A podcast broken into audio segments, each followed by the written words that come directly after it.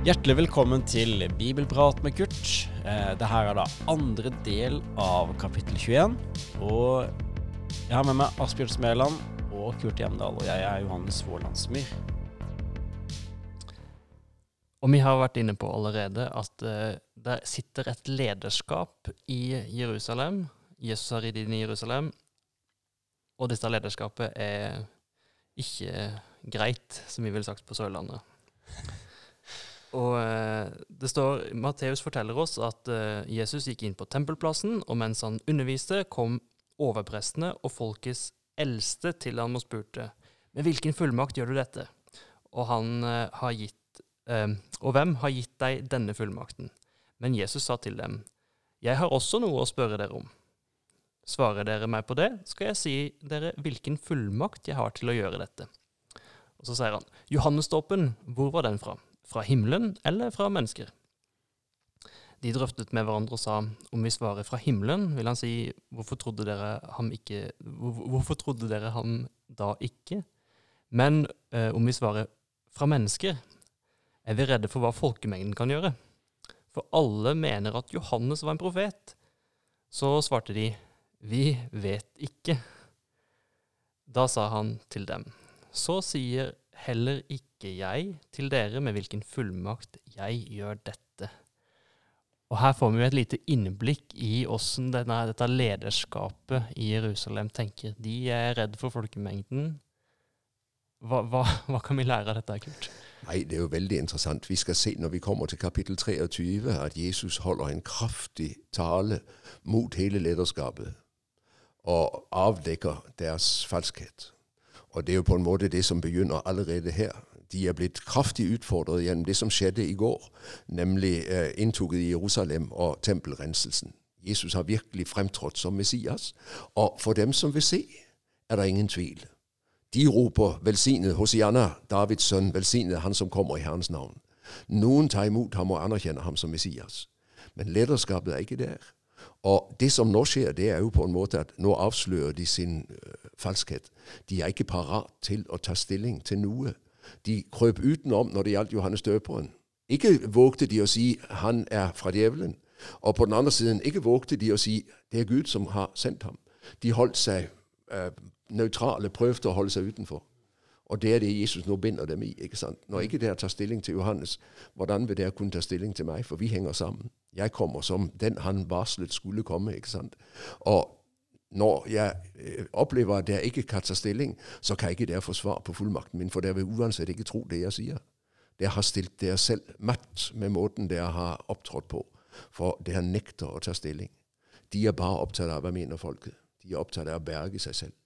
Og der finner du ikke svar. Så Jesu konfrontasjon fortsetter i det han på en måte nekter dem det svaret de ber om. Det burde være selvsagt hvor han har fullmakten fra. Men ut fra deres holdning så blir det i mørket for dem.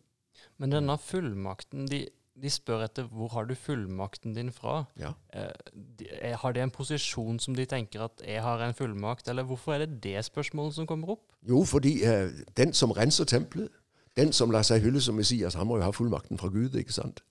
Og det er jo på en måte det de ber ham om å si åpent. 'Jeg har fullmakten min fra Gud, for jeg er Guds sønn'. Han kommer til å si det i neste omgang. Det skal vi se når avhøret av ham eh, natten mellom sier torsdag og langfredag. Og der bekjenner han åpent at han er menneskesønnen som kommer med himmelens skyer, altså at han er den gammeltestamentlige Messias, som nå er der omsider. Nå er løftet oppfylt. Og hva svarer de med? Guds bespotter. Ikke sant? Det sier de ikke åpent enda, men det ligger i kortene allerede her. De er ikke villige til å anerkjenne ham som den han er. Og dermed blir de nødt til å forkaste ham. Så de er ute etter å fange han i ord? Er, ja, og de fanger samtidig seg selv. Ja. For når de ikke er villige til på en måte å stå åpen frem, så blir de ikke i stand til å ta imot noe svar. Og så dette svaret 'vi vet ikke'. Er det, er det, en, har det liksom overføring til kristne i dag? Å ta stilling til til ulike saker? I hvert fall så kan du si det sånn at et lederskap som ikke er villig til å la seg binde av Guds ord, det blir et lamt lederskap. Ja. Mm. Eh, så eh, vi kan, eh, Det er et nytt avsnitt, men sånn som jeg skjønner det, så er det egentlig her en fortsettelse av samtalen mm. som man har med, med, med her på tempelplassen.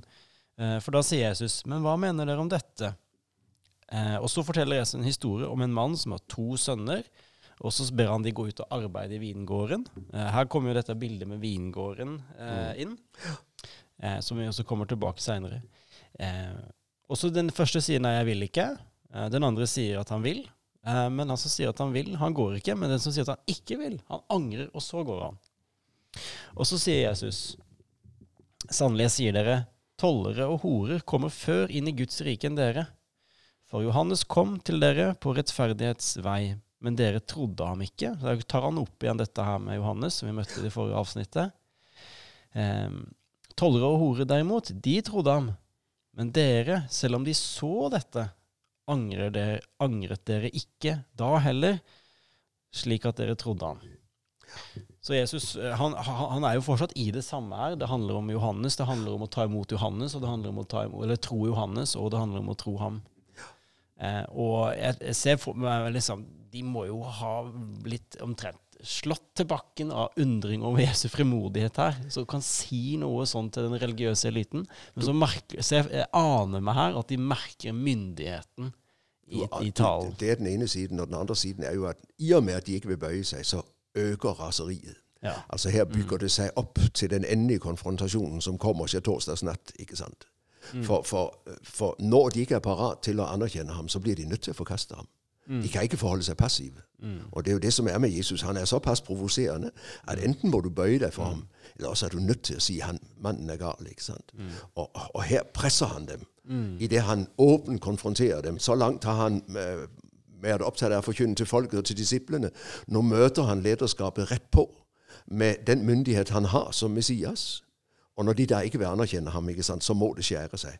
Mm. Men, men, det er klart at for folket som står og hører, så må det ha vært merkelig å høre Jesus si toller og hoer kommer før inn i Guds rike enn dere skriftlærde øverste prester. Mm. Dere åndelige ledere ikke sant, som påberoper dere myndighet som Guds tjenere.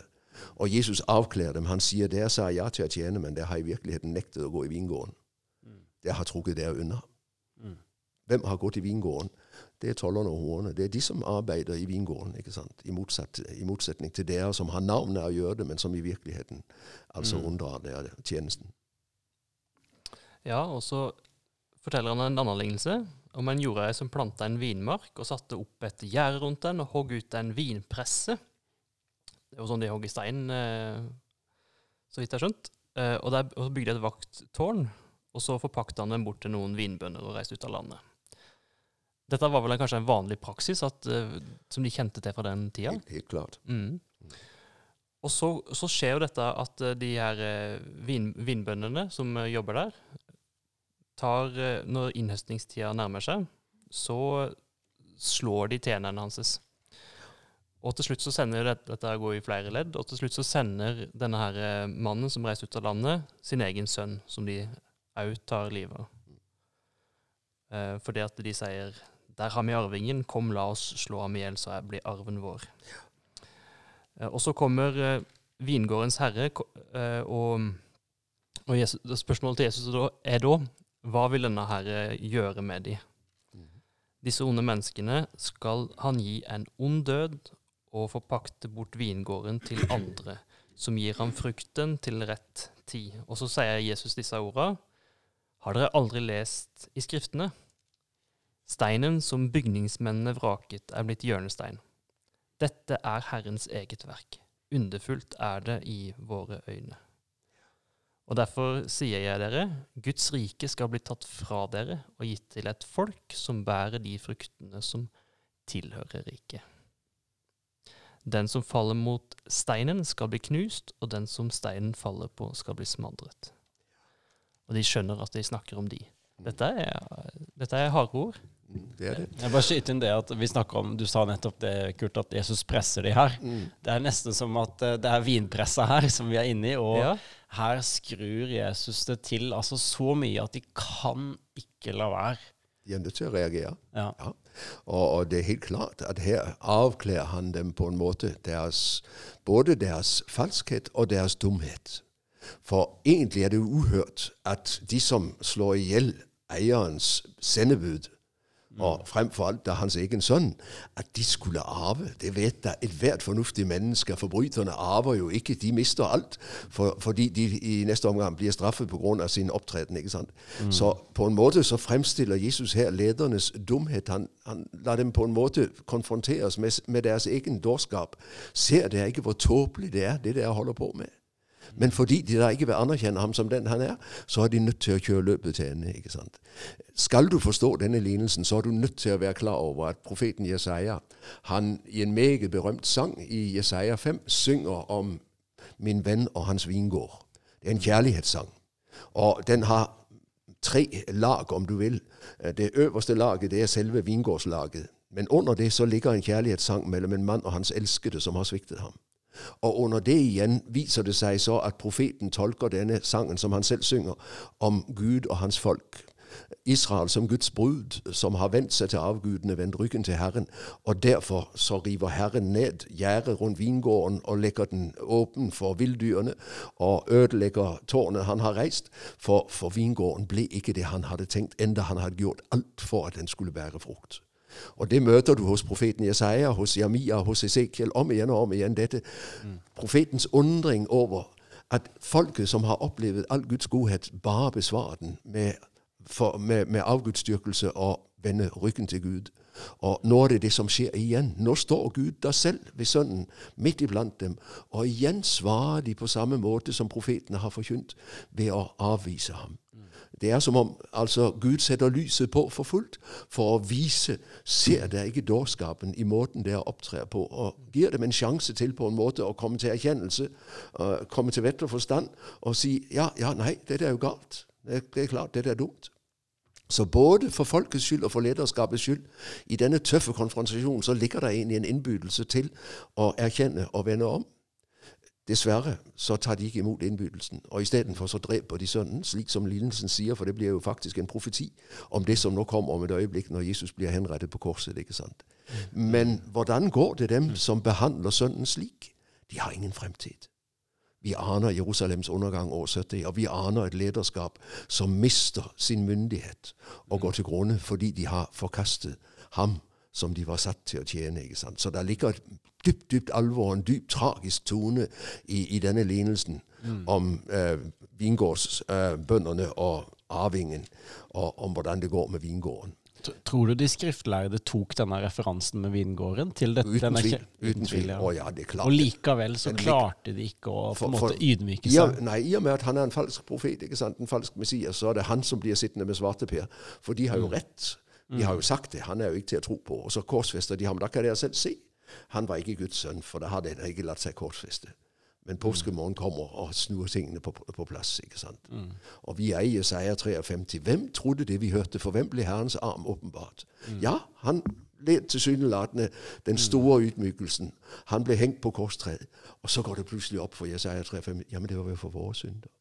Mm. Det var for vår skyld. Mm. Han bar straffen vi skulle ha tatt. Mm. Og så ligger evangeliet der. ikke sant? Mm. Men der og da så blir dette altså en dom over Jerusalems lederskap, som ikke er villig til å bøye seg. Og den grunnsteinen som bygningsmennene, altså vraget, som lederskapet vrager Vi må vel tenke at når David eller Salomo i sin tid bygget tempelet, så har det vært en grunnstein som bygningsmennene har lagt til side, men det viste seg plutselig at det var den de måtte bruke når de skulle bygge tempelet. Mm. Jesus er mm. grunnsteinen som tempelet bygges på, men det blir ødeleggende for disse bygningsmennene. Den faller på dem, ikke sant? Mm. Så, så, er det riktig å si da at disse onde arbeiderne i denne eh, lignelsen, er det lederne i Israel, eller er det liksom hele Israel? Nei, det er lederskapet i Israel. Ja. Det er den delen av Israel som vender ryggen til Jesus som sin Messias. ikke sant? Mm. Eh, for det er jo alle dem som tror, og som jubler på uh, palmesøndag, det er jo jøder. Så, så dette er jo på en måte, Det er jo ikke enten eller, det er både og. For det er jødene som tror, og det er jødene som følger. Og så er det det jødiske lederskap som vender ryggen til. Mm. Men hjørnesteinen jeg ser for meg at dette skjer på Tempelplassen, og det er jo fortsatt Vi har lest tidligere i, i Matteus at det, det, de drev jo bygde på tempelet. Mm. Kan, går det an å se for seg at uh, det lå mange steiner rundt forbi som kanskje ikke passa, kanskje, så de har hatt det foran øynene sine? Det er godt mulig, men det er også mulig at Jesus har kunnet peke bort på hjørnet av tempelbygget. Ja. På hjørnesteinen. Og dere vet at den steinen var egentlig lagt til side. Mm. Men det viste seg at det var den som var brukbar.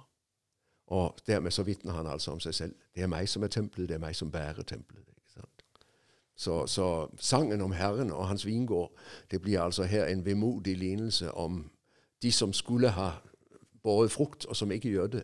Eh, Vingårdseieren er der, sønnen er der, og nå avgjøres det hva som skal skje med vingården videre. Det blir spennende. Vi gleder oss til kapittel 22. Var det gildt å høre på denne podkasten, må du gjerne gi en gave til Nordmisjon sitt arbeid, f.eks. på VIPS med nummeret 94272, eller besøk oss på nordmisjon.no agder.